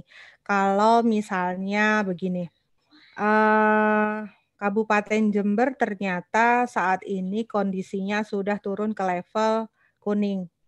Nah, sedangkan dia juga akan melaksanakan pilkada. Kemudian kita bandingkan dengan eh, kota Malang yang masih zona orange. Eh, Malang itu enggak, Malang itu enggak ada pilkada, sorry. Berarti bukan itu, Situ Bondo lah. Situ Bondo misalnya yang akan melaksanakan pilkada tahun ini juga ternyata masih zona orange dibandingkan dengan eh, Jember yang sudah zona kuning. Kalau kita mau menyelamatkan masyarakat, menyelamatkan warga negara kita, warga masyarakat kita, maka nyawa mereka harus kita junjung tinggi dan itu jadi nomor satu. Maka jika memang pilkada akan tetap dilaksanakan tahun ini, terus kemudian eh, dilakukan eh, asimetris pembedaan perlakuan antara antara zona, zona kuning, hijau, merah, orange dan hitam, maka itu adalah sebuah eh, kebijakan yang bagus yang harus kita eh, hormati. Tapi jika memang tidak dilaksanakan tahun ini pilkada itu, maka itu adalah keputusan yang luar biasa yang harus eh, kita apresiasi juga, gitu. Jadi em, kalau kita bicara tentang nyawa, berarti itu harus didahulukan di atas semuanya, Mbak. Kita nggak boleh main-main sama nyawa nyawa manusia. Saya pernah ingat kalimat dari eh, Ridwan Kamil, eh, Gubernur Jawa Barat, yang menyatakan bahwa perekonomian dan politik itu masih bisa kita bangun, tapi nyawa manusia nggak bisa kita beli, nggak bisa kita adakan. Jadi begitu ya, Mbak Sheila, tanggapan saya ya. Terima kasih Ibu. Eh, mungkin Sama-sama. karena waktunya sudah menunjukkan setengah lima, eh, kurang satu penanya lagi. Ya, Saya Mbak, saya cintanya nggak dia cintanya. dari Aduh, aduh. dari dulu aja, enggak apa-apa dari Ilham. Dari tadi yang pertama ini eh, Muhammad Muhammad I Irham ya, iya. Oke, oke. Mohon maaf ya untuk teman-teman ya, nanti mungkin di next diskusi. Ya, dipersilakan untuk Muhammad Irham. Oh iya Mbak. Itu Bu saya menanyakan apakah paslon sudah merealisasikan kampanye online Bu? Mungkin ada beberapa paslon yang tidak menga- mengamanyakan on- secara online karena saya kemarin baca itu di Lamongan ada paslon yang apa namanya secara offline itu Bu. Dan apakah tidak bisa pilkada ini diundur karena akan banyak seperti money politik, gencar-gencaran, dan banyak bansos-bansos yang biasanya itu itu Bu menyuruh masyarakat untuk memilih pilih saya karena saya sudah membantu Anda. Jangan lupa pilih saya ya gitu biasanya Bu. Dan saya melihat di pasal 201 ayat 3 Perpu itu tahun 2020 bahwa pilkada dapat ditunda dan dijadwalkan kembali apabila COVID-19 belum berakhir. Tapi kok ini masih dilanjutkan, Bu? Gimana, Bu? Sudah, terima kasih. Ya, terima kasih Mas Muhammad Irham. Mas Mas Irham ini dari Lamongan ya? Enggak, Bu, saya dari Jombang, cuma saya kemarin baca berita gitu. Oh, Mas Irham ini dari Jombang. Jombang ada pilkada nggak? Ada, Bu. Kemarin Jombang juga gitu banyak paslon yang bansos-bansos gitu, Bu. Pakai partai maskernya gitu. Itu biasa, Mas. Oke, Mas Irham, terima kasih pertanyaannya. eh kemungkinan money politics melalui bansos itu sangat ter- sangat mungkin terjadi ya, Mas. Jadi kalau misalnya kita eh lihat ini sekarang tidak hanya eh menyasar ke masyarakat sebagai pemilih, tapi juga ke mulai masuk ke puskesmas-puskesmas. Jadi bantuan-bantuan sosial itu tidak melulu hanya ke eh, ini saja ke masyarakat saja seperti kita, tapi juga mulai masuk ke puskesmas-puskesmas. Apa tujuannya? Tujuannya adalah agar ada himbauan dalam tanda kutip dari atau satu suara dari pemilih yang berasal dari tenaga kesehatan untuk memilih pasangan calon tertentu. Bantuan sosialnya apa? Bantuan sosialnya dapat berupa pengadaan masker, pengadaan eh, apa namanya alat untuk eh, PCR, terus kemudian ada lagi pengadaan hand sanitizer, pengadaan eh, apa lagi namanya untuk yang bunuh kuman itu, Hmm, ya semacam itulah. Terus kemudian kenapa kenapa mas? Enggak, Bu. Enggak kepencet. Terus eh, kemudian kira-kira dari dari sini ada kemungkinan nggak ya eh, pilkada ini bisa diundur? Semua pihak sudah minta pilkada ini diundur. Tidak cuma kita sebagai masyarakat, tapi ormas Islam terbesar di Indonesia, Muhammadiyah dan Nahdlatul Ulama juga sudah meminta kepada pemerintah untuk menunda pelaksanaan pilkada. Kenapa? Ken- karena eh, apa mudaratnya lebih banyak daripada manfaatnya. Orang nanti dia setelah kepilih juga lupa kok sama kita dari dari kita kita berkaca dari pengalaman yang sudah-sudah. Ya. Kalian kalian kalau saya ingat betul janji Ibu Faida ketika beliau kampanye lima tahun yang lalu. Yang beliau prioritaskan apa? Kesehatan. Ya, kesehatan eh, janji beliau saat itu eh, setiap puskesmas akan ada dokter spesialis, terus kemudian akan ada eh, apa namanya bantuan bantuan sosial atau bantuan bupati untuk masyarakat tidak mampu yang sedang sakit. Itu terbukti gitu loh. Terbukti ada. Tapi ada juga yang tidak ada gitu loh. Karena ketika dia sudah memilih, kebetulan background Bu Faida ini adalah seorang dokter, dia punya rumah sakit, jadi gampang bagi dia untuk mewujudkan eh, salah satu janji kampanyenya berupa bidang kesehatan. Tapi untuk misalnya untuk eh, sanitasi, Jember itu saya tinggalkan enam tahun yang lalu dengan Jember yang sekarang sama saja, nggak ada yang berubah. Tambah jorok. Oke lah, eh, apa namanya penga- eh, pengaturan lalu lintasnya sekarang lebih lebih lebih ini lebih lebih teratur lah ya bisa dikatakan begitu. Tapi coba kalian lihat pasar apa Mbak pasar di Jember itu yang gede saya lupa. Pasar Tanjung. Nah, ya, pasar Tanjung. Pasar Tanjung itu kalau sudah malam baunya masya Allah. Ya, sa- saya tuh hobi orang yang hobi ke pasar. Ya, jadi saya kalau ke satu daerah baru, saya pasti ke pasar. Karena dari pasar itu saya bisa nilai ini pemerintahnya berhasil atau tidak. Terus saya tuh baru ke Jember itu bulan Agustus kemarin. Itu kan sudah masa pandemi ya. Kan katanya yang saya baca di berbagai media massa tentang Jember akan eh, ada pengaturan pembatasan untuk pengunjung pasar Tanjung. Saya datang sore-sore itu sama mama saya berdua. Nggak ada tuh yang pakai. Oke, mereka pakai masker, tapi di leher. Mereka pakai masker di sampai di bawah hidung. Ada yang negur enggak. Terus saya bilang, saya bilang, saya, saya kebetulan be- berbelanja waktu itu saya bilang, Pak, Bu, pakai maskernya yang benar sampai hidung menutupi setengah muka. Saya bilang begitu. Tanggapan mereka apa? Mbak, COVID itu loh nggak ada di Jember, Mbak. Itu loh rekayasa politik. Itu kata mereka. Lah terus gunanya bupa, punya bupati dokter apa gitu loh. Kalau masyarakatnya tidak teredukasi tentang kesehatan yang baik. Kita semua pengen ini semua diundur kok, Mas. Tenang aja. Cuma yang kekeh ini KPU, DPR, dan Presiden. Pemerintah ini yang kekeh. Mereka mereka bilang harus sekarang. Alasannya macam-macam. Yang alasan bahwa PLT itu super cadangan nggak punya kompetensi. Terus kemudian eh, nanti diharapkan lahir pemimpin-pemimpin yang eh, kreatif eh, karena eh, harus lahir dari situasi yang seperti ini.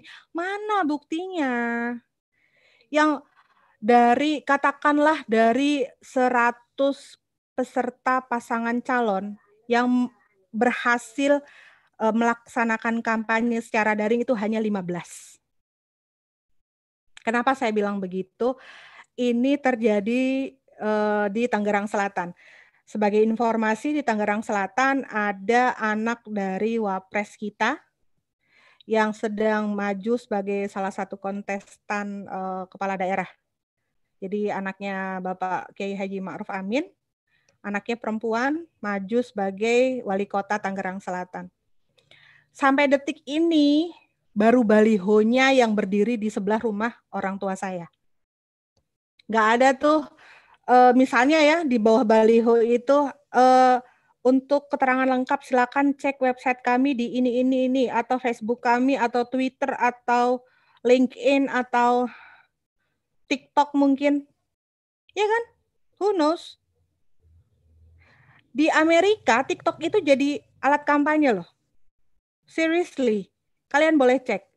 Makanya kenapa kemudian pemerintah Amerika Serikat melarang TikTok. Pemerintah Amerika Serikat tetap melaksanakan kampanye sesuai jadwal karena mereka akan melaksanakan pilpres bulan November. Si Trump yang kemarin kena COVID sudah sembuh dan sudah mulai ikut kampanye lagi. Ya. Nah, kita punya media media massa itu banyak punya eh, apa namanya akun sosmed itu banyak. Pergunakanlah dengan baik. Nah, kalian ya, kalian nih yang teredukasi dengan baik tentang politik ya, kemudian bisa mencari informasi dengan baik, tolong bantu rakyat untuk mengurangi kebingungan mereka.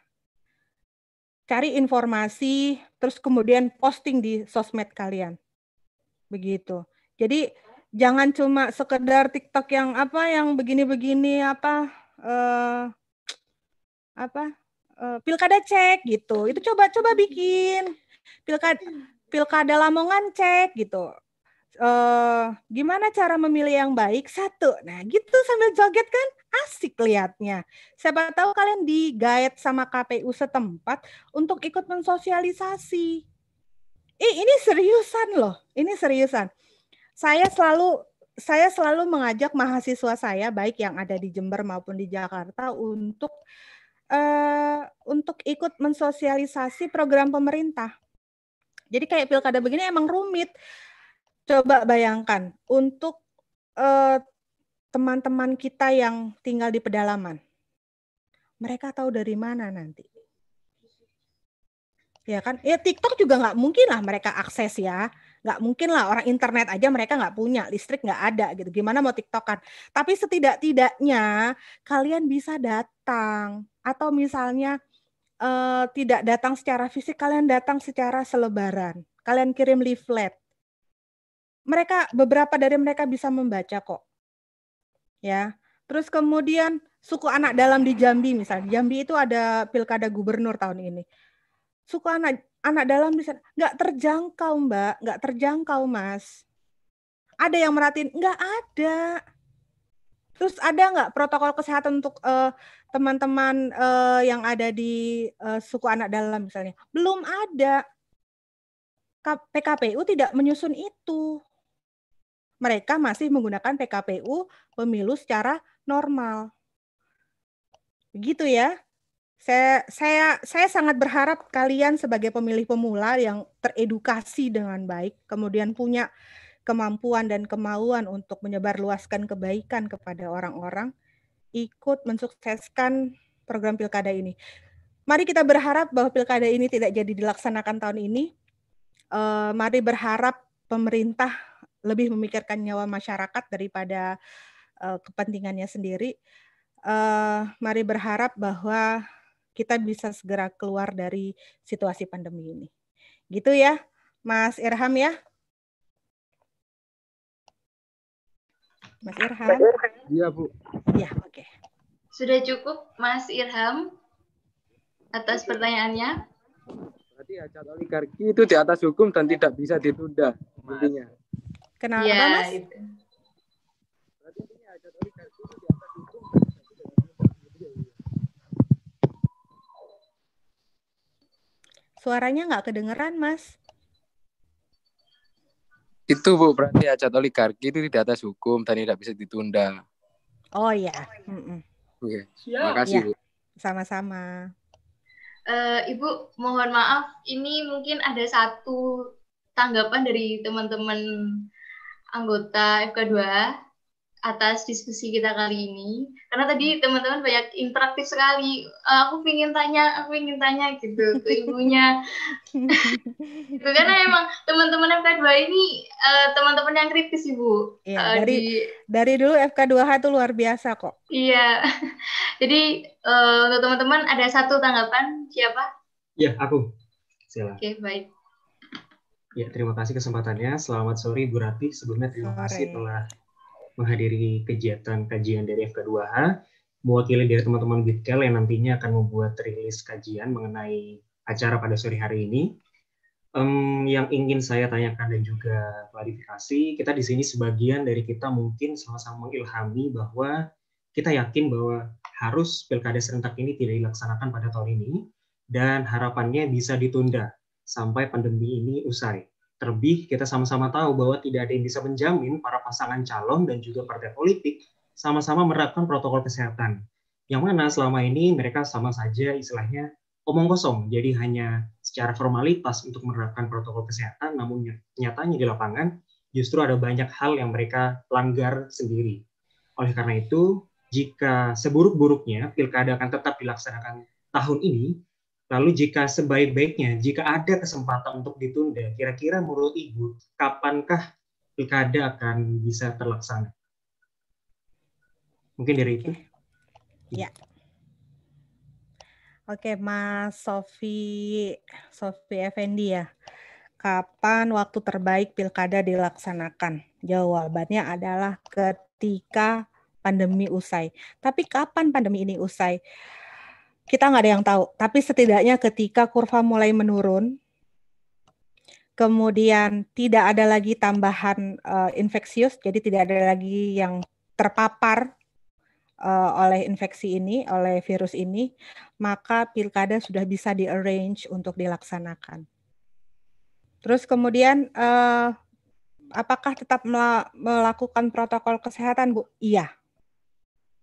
Walaupun eh, sudah melandai, sudah menurun eh, angka eh, apa namanya tertularnya COVID-19 ini dan tetap dilaksanakan eh, protokol kesehatan, ini adalah eh, tetap menjadi sebuah eh, tanggung jawab kita bersama untuk tetap menjaga jarak, kemudian memakai masker dan sesering mungkin mencuci tangan. Karena kita nggak tahu kita tertular dari siapa atau kita menularkan apa. Ya, kita harus mulai berhentilah berhentilah berpikir bahwa COVID-19 ini adalah sebuah sabotase kah atau uh, sebuah intrik politik kah terserah. Yang yang pasti virus itu ada. Kakak ipar saya sudah kena beserta istrinya beserta keluarga yang ada dalam satu rumahnya. Itu hanya berjarak tiga rumah dari rumah saya. Ya. Terus kemudian uh, teman-teman saya di Bawaslu ada sekitar 15 orang sudah kena ketika mereka harus menjalankan tugas pengawasan di daerah karena walaupun mereka sudah uh, tes swab ketika harus naik pesawat terus kemudian pulang di swab lagi ternyata dia tetap terpapar kan kita tidak tahu kita menularkan atau ditularkan jadi menurut hemat saya jika memang harus uh, dilaksanakan maka laksanakanlah setelah pandemi ini berakhir tapi parameternya kapan pandemi ini berakhir, setidak-tidaknya ketika kurvanya menurun, terus kemudian tidak ada lagi tambahan uh, yang terpapar. Begitu ya, Mas Sofi ya. Baik, terima kasih Ibu. Semoga lekas sembuh saudara dan juga Ibu. Amin, terima kasih. Ya, terima kasih banyak Ibu Rati atas penyampaian materinya, kemudian uh, pengetahuannya atas pilkada, pengalamannya juga. Kami selaku dari teman-teman FK2 mengucapkan terima kasih banyak sudah Ibu bergabung dan mau menyampaikan materi diskusi pada sore hari ini. Iya, Mungkin bisa dapat saya simpulkan uh, diskusi kali ini yaitu kita mengenal asas yaitu salus populis suprema lex exto, yaitu keselamatan rakyat adalah hukum tertinggi. Ya, uh, sebelum menutup, uh, untuk menutup acara diskusi pada sore hari ini, uh, saya persilahkan untuk Direktur Eksekutif FK2H untuk menyampaikan satu dua kata saja. Dipersilahkan. Baik, terima kasih kesempatannya. Sela, Assalamualaikum warahmatullahi wabarakatuh. Selamat sore teman-teman, selamat sore Ibu Rati.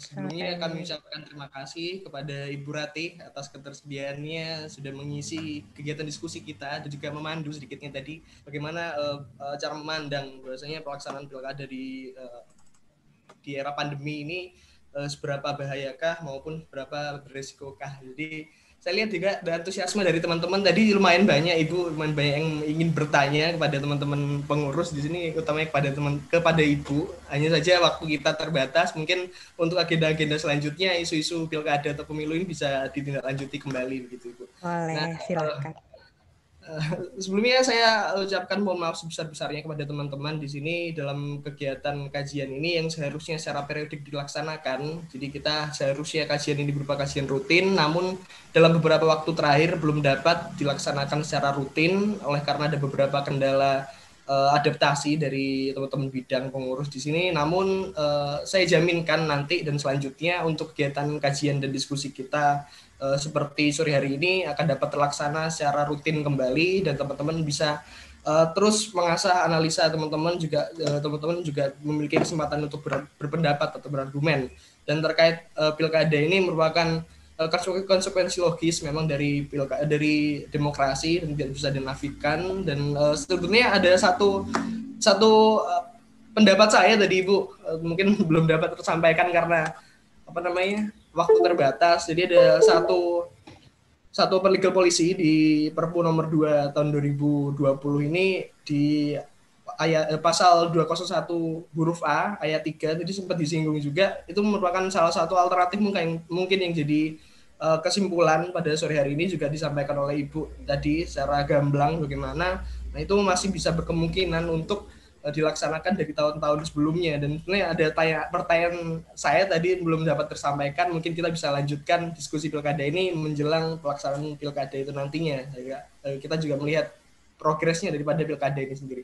Mungkin sekali lagi saya ucapkan terima kasih kepada Ibu Rati. Semoga Sama-sama. dapat bergabung dengan teman-teman FK2 di, di kesempatan selanjutnya. Juga saya mohon pada teman-teman FK2 terus tetap menjaga semangatnya di era pandemi ini. Juga selalu semangat dalam uh, mengasah kemampuan dan belajar. Baik, sekian dari saya. Wassalamualaikum warahmatullahi wabarakatuh. Waalaikumsalam warahmatullahi wabarakatuh. Ya, saya ucapkan sekali lagi terima kasih banyak untuk Ibu Rati dan teman-teman semua. Semoga Ibu Rati eh, kita dapat berdiskusi di lain waktu. Insya Allah. Ya, eh, Ibu dan teman-teman mohon untuk kita sesi foto dokumentasi terlebih dahulu. Ya, Boleh. ya. Eh, kepada yang bertugas. Eh, yang lain yang belum on cam boleh menghidupkan kameranya ya. Nah, Malu-malu, Eh, teman-teman FK2 ini banyak malu-malu. Bu. Malu-maluin jangan-jangan. nah, kan begini kelihatan cantik-cantiknya, ganteng-gantengnya. Ya, bisa kita lakukan sesi foto ya, teman-teman. Saya hitung sampai tiga. Eh, slide pertama, satu, dua, tiga. Oke, untuk slide yang kedua, satu, dua, tiga. Baik Ibu, terima kasih banyak atas waktunya, kesempatannya. Sama-sama, Mbak Sheila, Mas Faruk, terus tadi siapa eh, teman-teman FK2H semuanya Ibu. tetap semangat. Eh, jangan sampai kendor ya selama masa pandemi ini karena kuliah jarak jauh. Terus jangan sampai males-malesan juga. Iya, Tetap berkarya, sering menulis supaya otaknya tetap terasah. Jaga kesehatan jangan lupa. Iya ibu, ibu juga. ya baik, Eh, bisa kita tutup ya. Eh, Assalamualaikum, waalaikumsalam. Eh, selamat sore, wassalamualaikum warahmatullahi wabarakatuh. Waalaikumsalam warahmatullahi wabarakatuh. Terima kasih Ibu Rati. Pamit ya. Sama-sama. Terima kasih banyak ibu. Sama-sama ya. Nanti kalau ada yang eh, masih nggak masih yang ingin ada di diskusi, boleh WA saya. Oh, Nanti iya. kita bisa diskusi lewat WA ya. Siap, Iya, siap, Ibu. Bu, siap, Bu. Oke.